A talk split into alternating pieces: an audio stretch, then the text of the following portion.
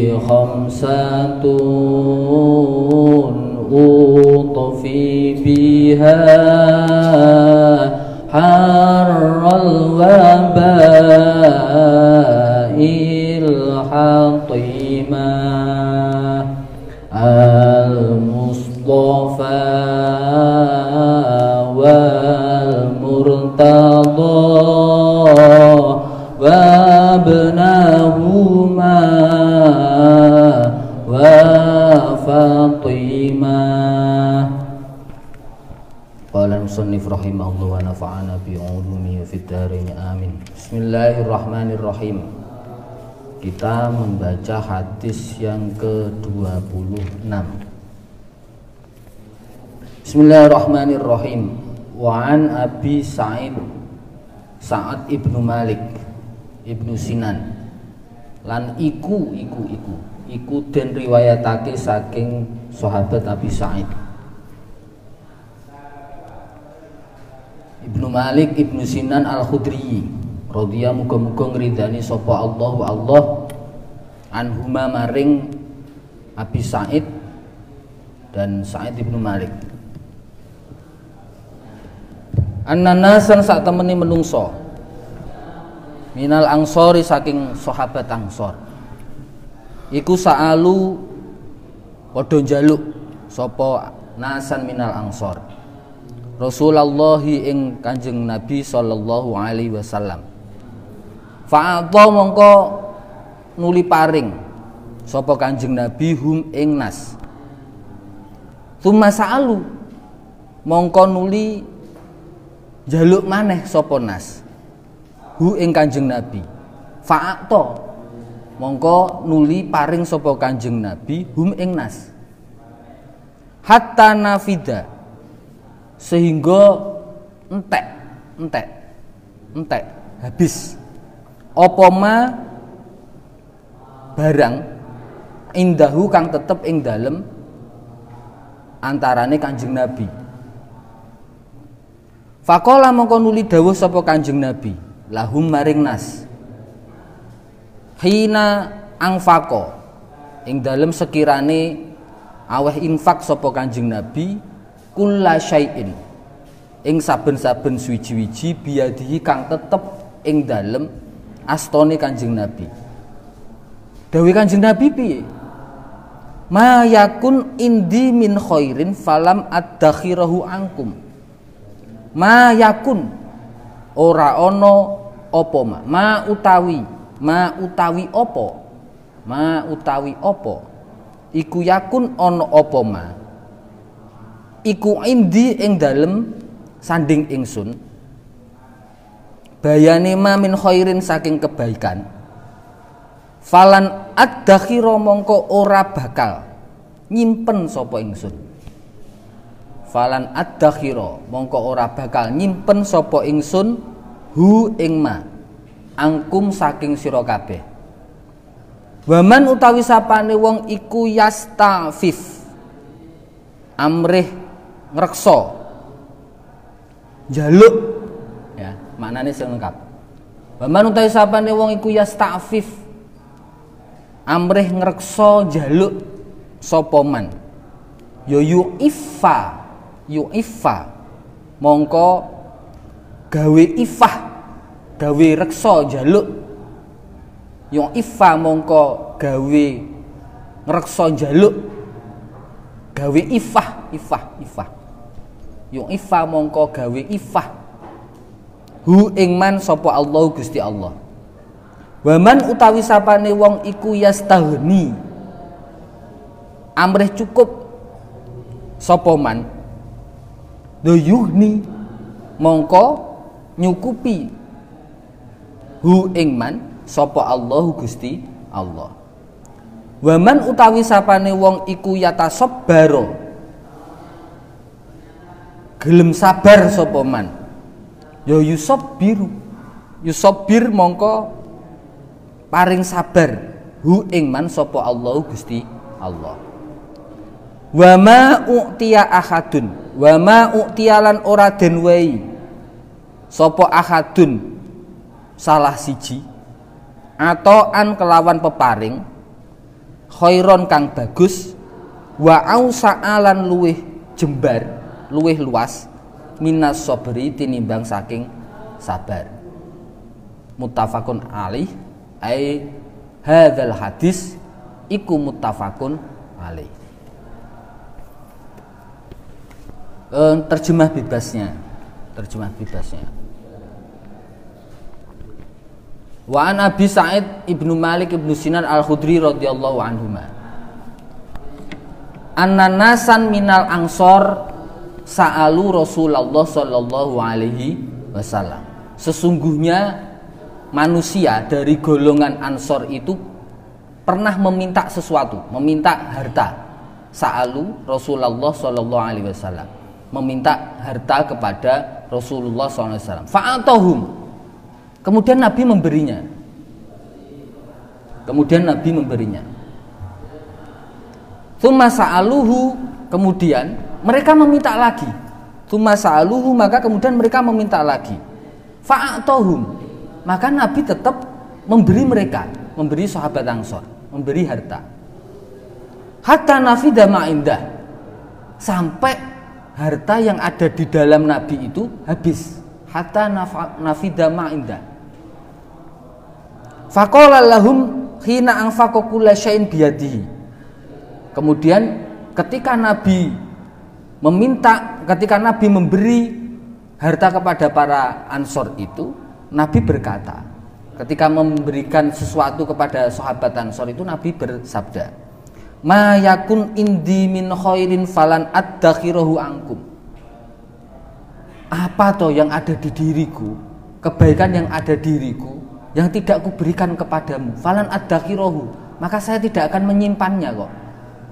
Falan adakhiro saya tidak akan memintanya. Saya tidak akan menyimpannya. Wes toh aku dua kita kei. Le aku dua mesti tak kei. Mayakun apa? Mayakun indi min khairin falan adakhiroku angkum. Saya tidak akan menyimpannya untuk kalian. Wes toh duweku apa tak kei kok men? Itu. Tapi Wa mayyasta'fif barang siapa orang itu mau ifah mau menjaga diri untuk tidak meminta. Itu ifah namanya ya ifah. Wa mayyasta'fif ifahullah maka Allah akan memberikan sifat ifah. Kalau dia memang meminta sifat ifah maka akan diberikan ifah oleh Allah. Ifah itu adalah menjaga diri untuk tidak meminta. Wa may yasta'fif yu'iffahullah. Wa may yastaghni yughnihillah wa kalau orang itu kemudian meminta untuk merasa cukup maka ya diberi perasaan cukup atas dunia oleh Allah. Wa may yastaghni yughnihillah Yo pinak to gari jaluke apa ning Gusti Allah? Terus wa may yatasabbara yusabbirahullah Barang siapa orang itu meminta sabar, dia mana? Nanti akan juga diberi sabar. Terus kemudian wa ma u'tiya ahadun atau an khairon wa ausa amina sobri. Nah ini loh, kata kuncinya di sini. Apa yang diberikan, apa yang diberikan kepada seseorang sebuah pemberian yang lebih luas, ya, daripada lebih luas dan lebih baik daripada sa sabar apa to peparing sing ora luweh apik tinimbang sabar itu itu terjemah bebasnya kayak begitu sekarang kita preteli satu persatu. Apa? Uh, teks hadis itu. Ananasan minal angsor sesungguhnya manusia dari sahabat ansor. Siapa itu ansor? Ansor itu adalah apa? Auladil aus wal akhraj sumubili nasrotihim Rasulullah SAW wa dinihi. Linusrotihim Rasulullah SAW wa dinihi Ansor adalah suku Aus dan suku Khajraj ya suku Aus dan suku Khajraj yang memang pernah menolong Nabi dan agama Islam karena linusrotihim karena mereka pernah menolong karena mereka menolong Nabi dan agama Islam maka dinamakan sahabat Ansor, Nasoro Ansor. Jadi dari kata Nasoro. Itu berarti suku Aus dan Khazraj yang menolong Nabi dan agama Islam. Itu sahabat Ansor. Terus kemudian e, fa'atohum. Kemudian mereka sering meminta apa? Sering meminta Sa'alu Rasulullah SAW fa'atohu. Perhatikan kata itu, Haisul Nahwi dari segi Nahwi Sa'alu Rasulullah fa'atohum. Perhatian, sa'ala itu adalah mutaaddi berapa maf'ul? Dua maf'ul. Ya enggak?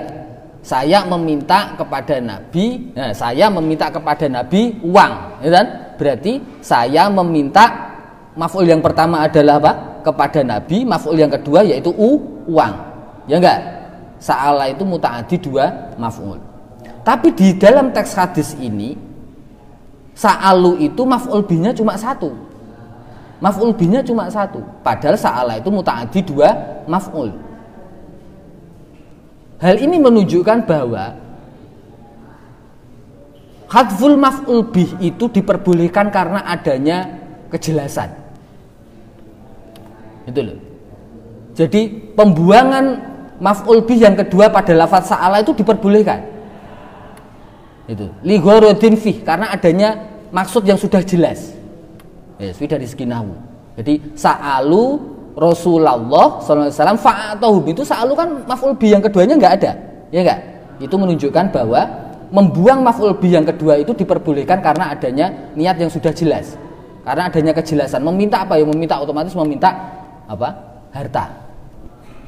Otomatis langsung pada saat itu langsung ada jawab fa'atahum maka Nabi tetap memberikannya. Itu. Suma sa'aluhu. Kemudian mereka tetap memintanya lagi. Diberi Nabi meminta lagi, diberikan. Ketika mereka meminta diberikan lagi. Suma sa'aluhu. Tetap tapi fa'atohum. Oleh Nabi tetap diberikan. Itu loh. Hatta nafida indah sampai Nabi kehabisan apa? Uang. Itu. Terus kemudian fakola lahum khina ang fakokula syai'in biadihi ketika itu kemudian e, Nabi memberikan peringatan. Ini sebenarnya sebuah peringatan. Fakola lahum khina angfakokula syai'in biadehi. Nabi berkata kepada sahabat Ansor ketika khina angfako ketika Nabi memberikan infak kula syai'in semuanya ke biadi yang ada di dalam yang ada di tangan Nabi. Ketika Nabi memberikan semua harta yang ada pada dirinya kepada sahabat Ansor, Nabi tetap memberikan peringatan, bukan peringatan ya. Memberikan apa? Semacam memberikan e, nasihat. Apa itu nasihatnya? Mayakun min khairin falan ad-dakhirahu. Pertama, mayakun min khairin falan ad-dakhirahu angkum. Semua kebaikan yang pernah ada pada diriku, saya tidak akan pernah menyimpannya. Tak kek kabeh Pesan yang pertama. Itu menunjukkan apa? Itu menunjukkan bahwa kita diperintahkan untuk istiqlal minat dunia. Dicatat. Apa toh yang ada di diriku? Kebaikan yang ada di diriku yang tidak kuberikan kepada kalian. Tak keke kabeh. Itu menunjukkan adanya nasihat Nabi bahwa kita diperintahkan apa tadi? Istiqlal minat dunia. Ojo istighfar. Jangan Jangan meminta banyak untuk urusan dunia itu, tapi memintalah yang cukup. Jangan istiksar, tapi istiqlal. Siti wae, wong siti alo hisabe abot. Itu apa? Nasihat Nabi yang pertama. Itu kalian baca sendiri. Falan ad-dakhirahu angkum. Aku kok gak nyimpen blas, wis gak nyimpen tak keke kabeh, tak keke kabeh.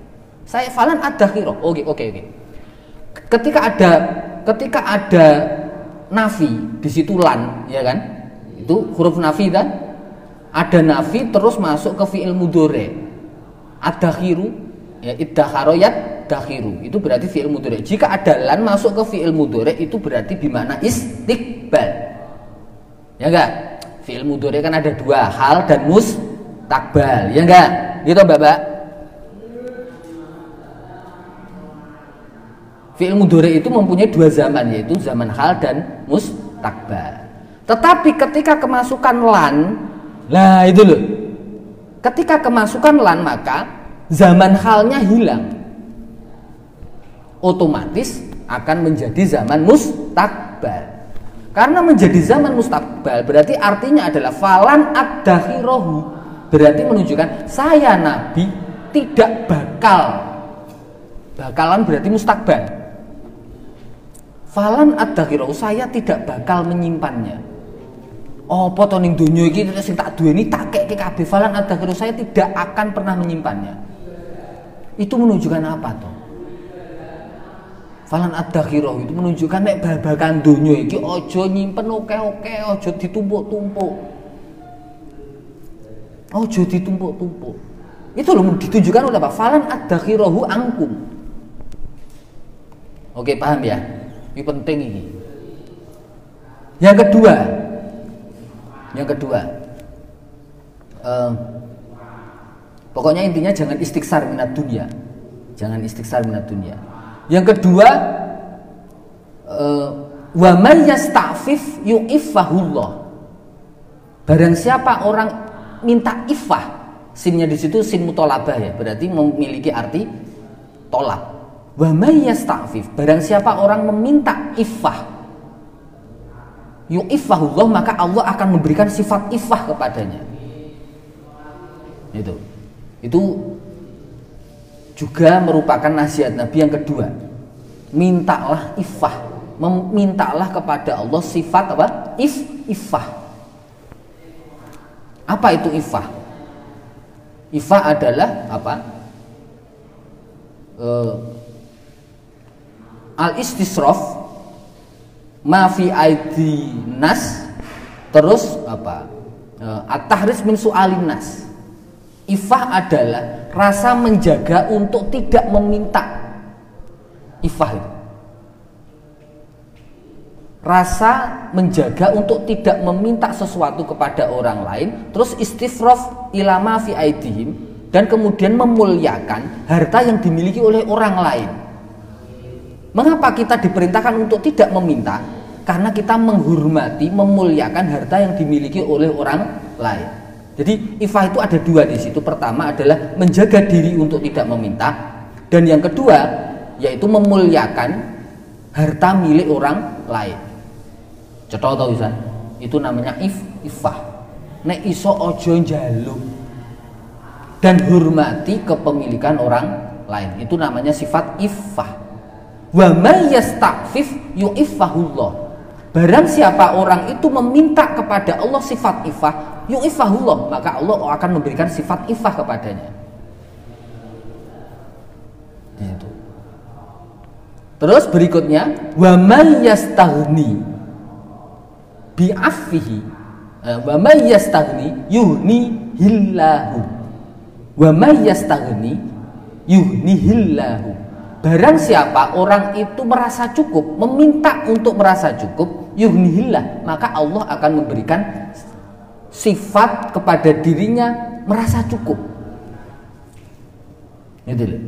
Wes aku wis ngene iki wis cukup kok cukup. Ngene iki cukup. Dikei luwih ya tetap cukup. Dikei luwih meneh ya tetap cukup. Dikei dikurangi sithik ya tetap merasa cukup. Itu namanya sifat istighna. Merasa cu cukup. Di situ kemudian ada semacam dorongan tahrid ya namanya tahrid. Tahridul qanaah. Dorongan untuk melakukan apa? Qanaah. Tahridun al qanaah.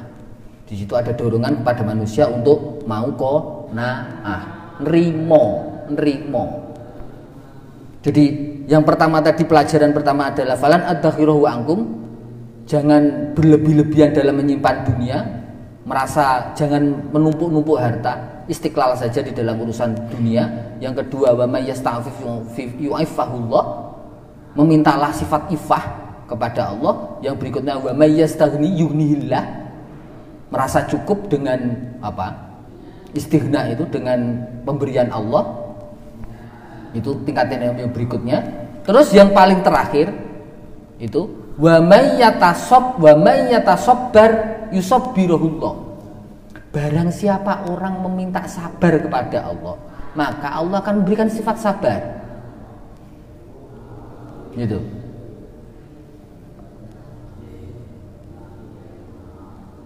Oke. Barang siapa orang itu mau bersifat sabar, maka Allah akan memberinya sifat sabar. Sifat sabar atas apa tuh? Atas semuanya.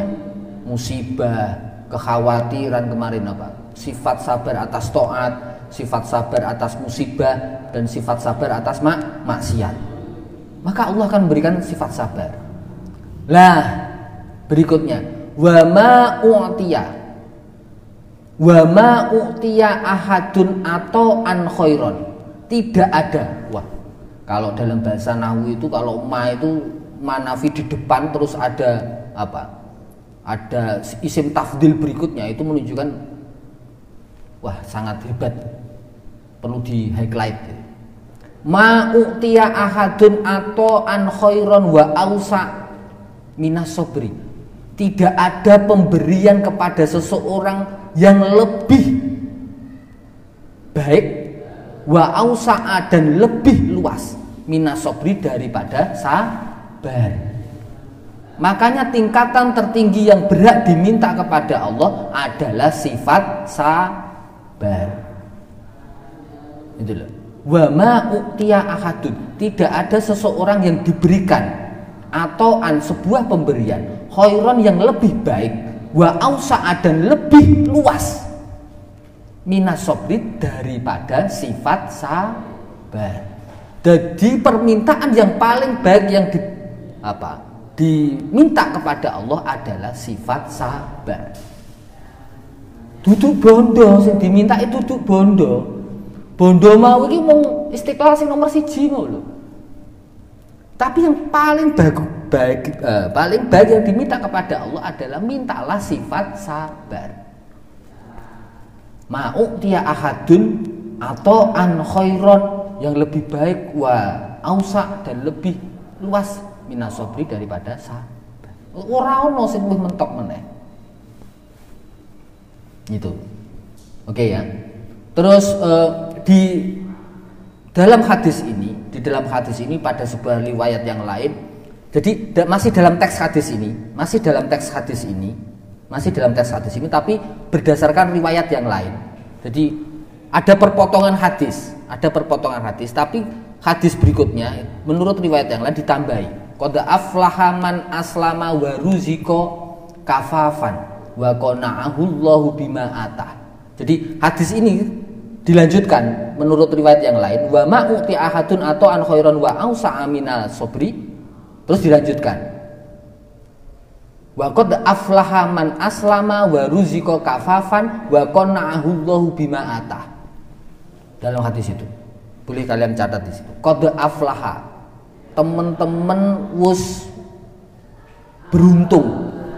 Sapa man wong aslama kang mlebu Islam sapa man waruzika lan den wae rezeki sapa man kafafan kelawan cukup wa qonnaa wa qonnaa lan paring qonaa paring rimo hu ingman sopo Allah Gusti Allah bima kelawan bondo atahu kang paring sopo Allah hu ingman itu teks hadis berikutnya menurut riwayat yang lain dalam riwayat yang lain disebutkan dalam hadis ini qad aflaha sungguhlah beruntung sungguh beruntung siapa orang yang beruntung itu man aslama orang yang masuk is Islam.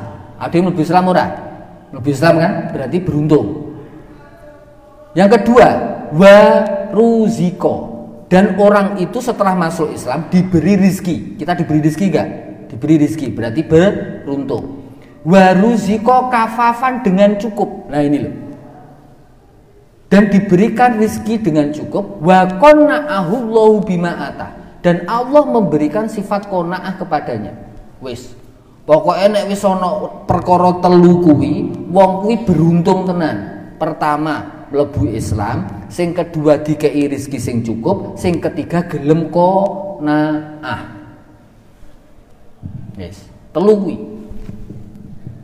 ini masih dalam teks hadis menurut riwayat yang lain. Terusannya hadis ini.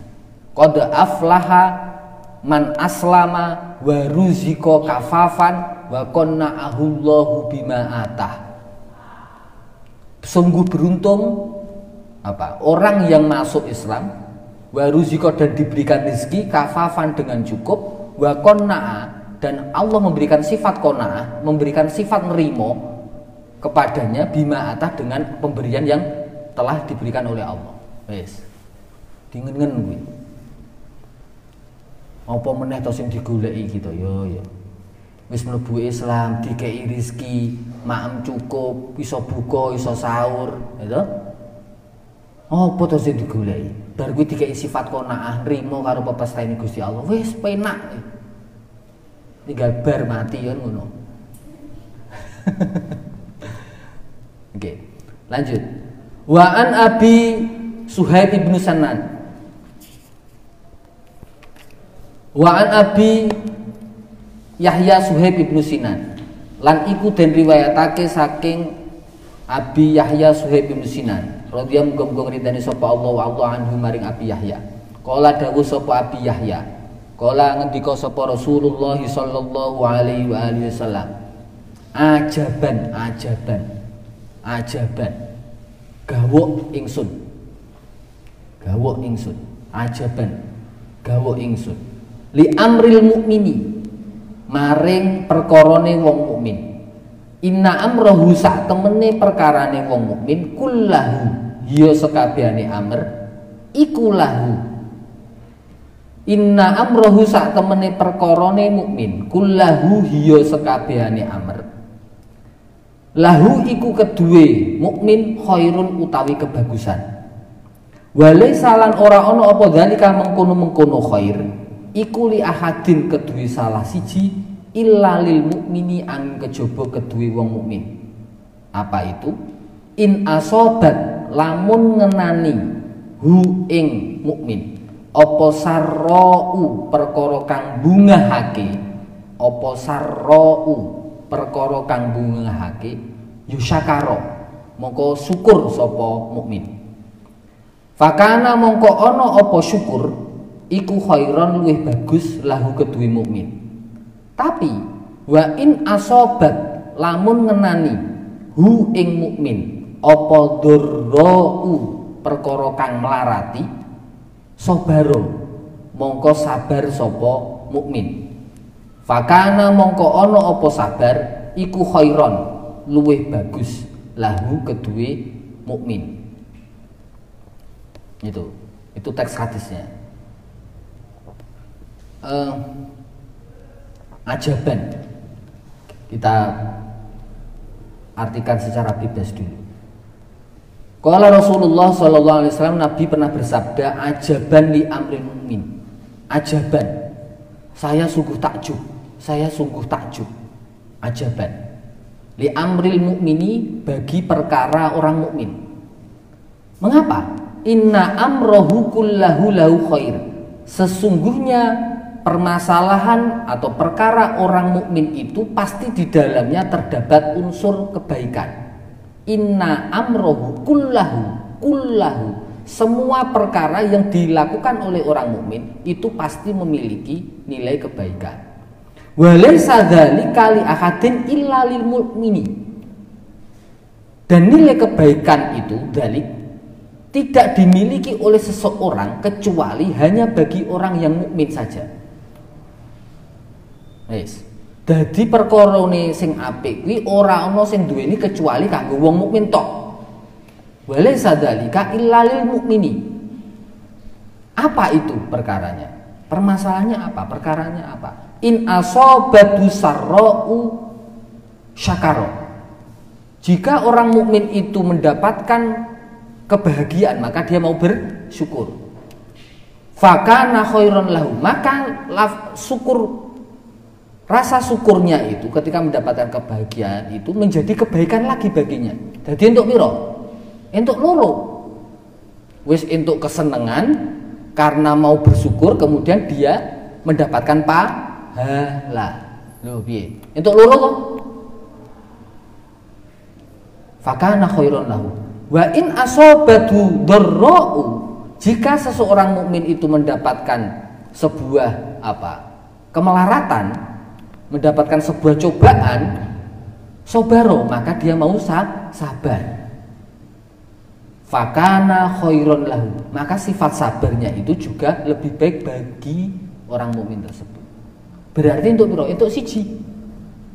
Wis untuk coba terus gelem sa sabar. Sabar kuwi duweni gan ganjaran lho untuk meneh. Untuk biro berarti? Untuk oke. Wis ngene iki untuk melarat yo untuk ganjaran, untuk nikmat yo untuk gan ganjaran. Nah, jadi paham ya maksud hadis itu ya. Jadi konteksnya adalah uh, intinya dari wong mukmin ini bejo. Apa yang menimpa pada dirinya itu pasti di situ mendapatkan nilai khair, nilai kebaikan. Yes. Oke, okay, kita preteli satu persatu teks hadis itu. Uh, ajaban, ajaban, ajaban di situ maf'ul mutlak ya. Sama seperti subhanallah kemarin ajaban. Karena maf'ul mutlak berarti menyimpan jum, jumlah. Berarti menyimpan jumlah di situ berarti ajabu ajaba yang jibu ajibu ajaban. Sa gawok sopo ing ingsun. Jadi ajibu gawok sopo ingsun ajaban kelawan gawok temenan. Kan kayak gitu kan? Ajibu saya terheran-heran ajaban dengan terheran-heran sungguhan. Kalau sudah ada jumlah seperti itu berarti kalau ada maf'ul mutlak seperti itu maka jumlah sebelumnya boleh dibuang. Ajibu ajaban. Makanya kemudian ajaban lil mukmini. Saya terheran-heran. Li amril mukmini bagi perkaranya orang apa? mukmin. Ingat ingat ingat ingat. Di situ tidak semua mukmin sebenarnya. Dalam teks hadis di kemudian disarahi di situ adalah al mukmin al kamil. Al mukmin al kamil. Jadi dia mukmin yang sempurna.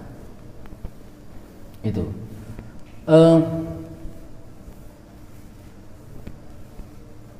in asobatu sarro'u syakaro ketika dia diberikan sebuah kelonggaran diberikan sebuah apa in asobatu jika dia diberikan sarro sebuah kebahagiaan syakaro maka dia mau bersyukur. Caranya bersyukur bagaimana? Caranya bersyukur bagaimana? Syakaro itu. Caranya bersyukur adalah di situ apa? Arofa kodro nikmati gitu. terus kemudian fasyakaro inti dari syukur itu adalah mengetahui ukuran kenikmatan yang diberikan oleh Allah Cara bersyukurnya seorang mukmin kemudian dia mendapatkan nikmat. In sarro, ketika dia mendapatkan kenikmatan, syakaro maka dia mau bersyukur. Bagaimana cara bersyukur itu? Caranya bersyukur adalah arofa kodro nikmati maulahu. Arofa kodro nikmati maulahu. Caranya yaitu mengetahui seberapa besar nikmat yang diberikan oleh Allah kepada dirinya. Wis, dong ya. Jadi bagaimana seseorang mukmin itu mau bersyukur ketika dia bisa mengetahui ya Allah sak ini gede ini tuh nikmatnya sing diparingi Gusti Allah. Jadi tahapan pertama untuk bersyukur itu adalah arafa qadra nikmati maulahu. Yaitu bisa mengetahui seberapa besar kenikmatan yang diberikan oleh Allah kepada dirinya. Itu cara bersyukur. Itu. Terus kemudian fakana apa e, syakaro fakana khairon lahu. Ketika dia mau bersyukur fakana khairon lahu. Kemudian ketika dia mau bersyukur bersyukurnya itu khairon lahu. Memiliki sawaban ukhra. Wis entuk apa mau? Wis entuk kenikmatan dia bisa mengetahui seberapa besar rahmat yang diberikan Allah kepada dirinya terus dia mau bersyukur dan di dalam bersyukur itulah terdapat sawaban ukhrawiyan terdapat pahala yang bersifat ukhrawi Paham? Jadi fakana khairon lahu maka rasa syukur itu lebih baik darinya. Mengapa? Karena di dalam bersyukur itu terdapat pahala yang sungguh besar. Jadi untuk piro? Untuk loro. Wis untuk nikmat, untuk ganjaran fakana khairon lah oke berikutnya wa in asobathu durra'u ya. ketika orang itu apa mendapatkan cobaan ya, min ahlin awaladin aw malin ya. baik apa kesusahan itu berasal dari keluarganya di sio-sio keluarganya terus mimalin di PHK karo perusahaan ini gitu. Awaladin dua anak beling. Gitu. Wa nasobat durra gitu. Sobaro maka dia mau bersabar. Fakana khairan lahu. Gitu. Berarti eh, apa yang ada di dalam sabar itu? Maka dia kemudian wahtasaba nafsahu. Ngeker menahan diri ya Allah dicoba tuh iki. Wah tasaban nafsu. Kemudian dia menahan dirinya. Kuat. Kuat. Lihat bocah milenial saya ini oh, kuat. Strong man gitu. kuat. Sabar. Kuat. Jadi ketika wena sobat doro sobaro sabar itu pertama bagaimana? Dia harus kuat. Ikhtisabu nafsihi dia harus menahan dirinya. Ikhtisabu nafsihi. Yes setelah dia ihtisabun nafsihi dia roja athawa bisobri setelah itu kemudian dia roja uthawa bisobri dia mengharapkan pahala dari kesabarannya itu. Dia mengharapkan pahala dari kuatnya dia. Itu. Jadi prosesnya paham ya. Jadi mau oh jadi putus, jadi putus pacar. Itu putus pacar sudah dinikmat umpamane transferane bapak ibu telat. Gitu kuat kudu kuat. Buh piye carane ning pondok kudu kuat? Setelah kuat kemudian dia ikhtisabun nafs.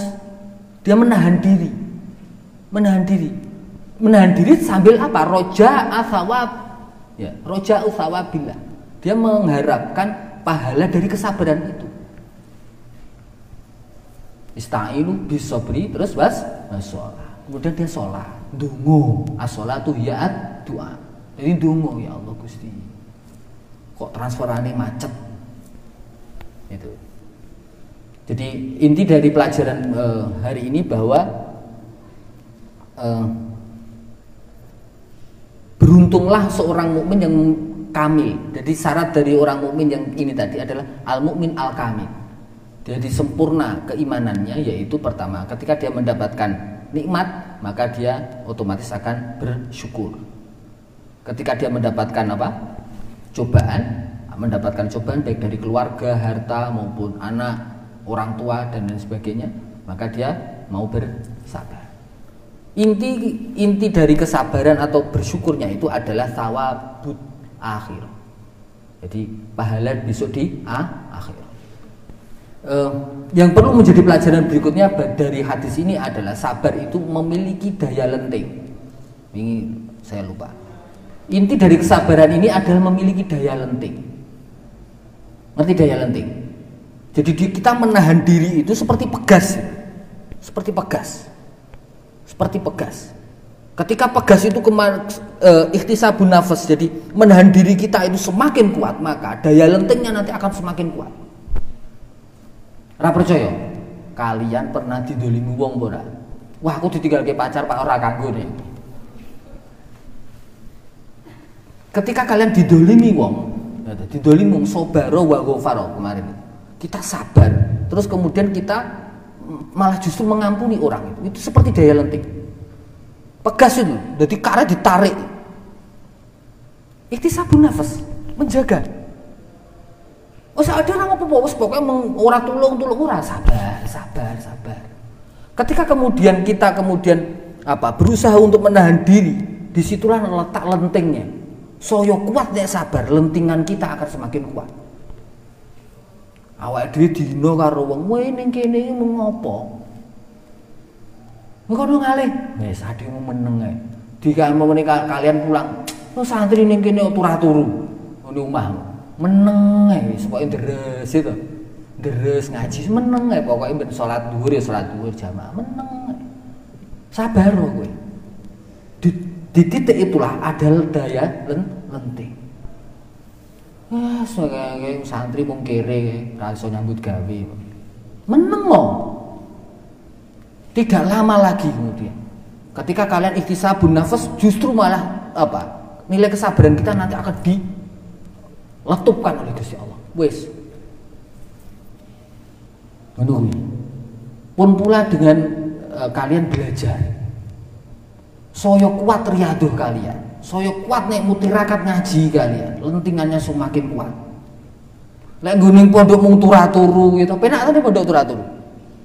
Ya lentingane mung sithik Pak Ciplik ngono gitu. Deh, kandang itu. Melakukan ikhtisab ya. Sabar itu atas atas, atas apa tuh? Atas tiga hal kan. Pertama apa? Musibah, ya toh? Yang kedua taat, yang ketiga mak maksiat. Ini so, apa? Sobar ala taat. Taati ngaji. Nek ngaji muri ado mung nyaiplik. Ngerti riado? Nek tirakat kuwe kalau nilai tirakat kalian tuh mau sedikit yo wes itu eh lentingannya mau sedikit mulane mbah-mbah biyen iki lek ngaji yo karo ngrawat ya ora itu ana sing naun ana sing mutih itu lek umpamane gak kuat poso wah iki iklan rokok ra oleh lek jaman semono biyen iki lek duwe bar wesel terus kemudian tuku mbako ya, terus dikek ning WC itu bentuk-bentuk riado ono sing rawat, ono sing naun, ono sing mutih. Itu bentuk-bentuk riyadu. Itu apa kan? Itu sabun nafas. Itu rezeki, itu transferan luwih akeh terus disisihke nggak itu kok ke rokok, mbako dikeke ning WC. Ben kabeh iso rokok ning jero. Waya laran alfiah wong deres apa ngapalke Quran. Nyapu masjid, nyapu latar. Riyadu. Khidmah karo yai itu bentuk riado. Ketika sekalian sabar ala to'ah kayak begitu lentingannya hebat. Bukti ini, bukti ini. Serius. Jadi kesuksesan kalian dalam mengaji itu tergantung atas seberapa besar kalian sabar. Mengapa? Karena di dalam sabar itu terdapat daya lenting. Bagi adik-adik mahasiswa NU ya, yang live juga kalau kalian ingin sukses dalam belajar dalam kuliah Riyado karena ini KMNU game juga live. Riyado Tirakotono lemu kuliah. Insya Allah orang lihat jadi koruptor sesuk. Uripe barokah untuk oke jadi pejabat yang resik. Riyado seposo Senin Kemis. Itu lek weru cewek ayu yo aja nemen-nemen. Kayak gitu kayak gitu itu betul riato oke ya paham ya? Jadi intinya sabar itu di situ memiliki nilai daya lentik. Semakin kuat apa kesabaran kita menjaga diri menahan diri maka pegasnya itu akan semakin kuat. Dan lentingannya juga akan semakin kuat. Al-fatihah.